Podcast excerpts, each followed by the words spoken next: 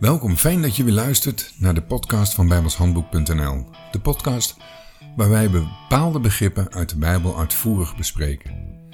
En in deze podcast gaan we verder met het begrip de hemelen en de aarde. En ik begin met het lezen van Exodus 20 vers 4. Gij zult u geen gesneden beeld, nog enige gelijkenis maken van hetgeen boven in de hemel is, noch van hetgeen onder op de aarde is noch van hetgeen in de wateren onder de aarde is. Als je een tekening zou moeten maken van de wereld zoals die beschreven wordt in de Bijbel, dan hoef je eigenlijk alleen maar een lijn te trekken. Die lijn is de aardbodem. Daarop woont alles wat leeft, maar eigenlijk dood is. Boven die streep bevinden zich de twee hemelen. Je weet wel, de hemel waarin de vogels vliegen en de hemel van de zon, de maan en de sterren. Onder de streep bevindt zich het dodenrijk.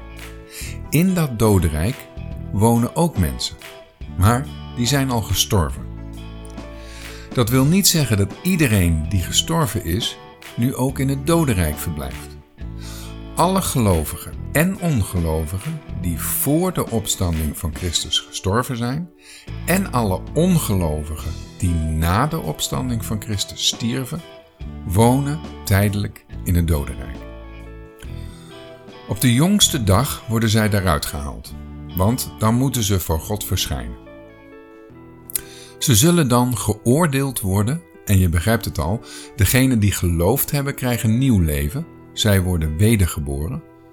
Maar degenen die in hun leven niet geloofd hebben, zullen in de buitenste duisternis geworpen worden. Dat noemt de Bijbel de tweede dood. Lees Openbaringen 20 vers 11 tot en met 15 maar eens op na. De gelovigen die sinds de opstanding van Christus gestorven zijn, hoeven niet meer naar het dodenrijk, maar gaan rechtstreeks naar de hemel. Pas als je wedergeboren bent, kun je naar de hemel. Maar om naar de hemel te mogen gaan, moet je aan nog een voorwaarde voldoen. Eigenlijk bedoel ik dat je de mazzel moet hebben om tot de gemeente te mogen behoren. Nou, Adam, Abraham, David en alle gelovigen uit het Oude Testament waren niet wedergeboren. Christus is immers de eerste wedergeboren. En omdat wij geloven in degene die als eerste is wedergeboren, zijn ook wij wedergeboren. Daardoor zijn wij lid van Zijn gemeente en daarom gaan wij naar de hemel. Dat we daar naartoe gaan komt natuurlijk ook omdat we er eigenlijk al zijn. Onze wandel is daar immers ook. Ik lees Lucas 16, vers 22, 23 en 24. En het geschiedde dat de bedelaar stierf en van de engelen gedragen werd in de schoot van Abraham. En de rijke stierf ook en werd begraven.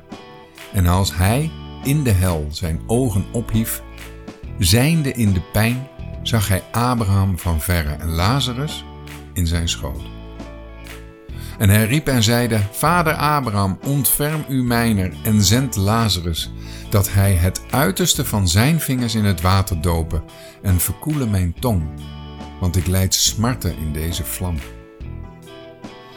Uit deze tekst blijkt dat er een groot verschil is tussen de plek van de gelovigen en de ongelovigen in het dodenrijk. Tussen hen zit bovendien een grote kloof. De plaats van de gelovigen wordt de schoot van Abraham genoemd. Vreemd genoeg noemt de Heer Jezus die plaats ook het paradijs. Toen hij aan het kruis hing, zei hij tegen de ene moordenaar: Heden zult gij met mij in het paradijs zijn. En dat is niet de hemel, maar de schoot van Abraham. Want de Heere Jezus was, toen hij stierf, nog niet wedergeboren. Hij ging dus naar het dodenrijk. Voor de gelovigen is het daar niet slecht. Het wordt niet voor niets het paradijs genoemd.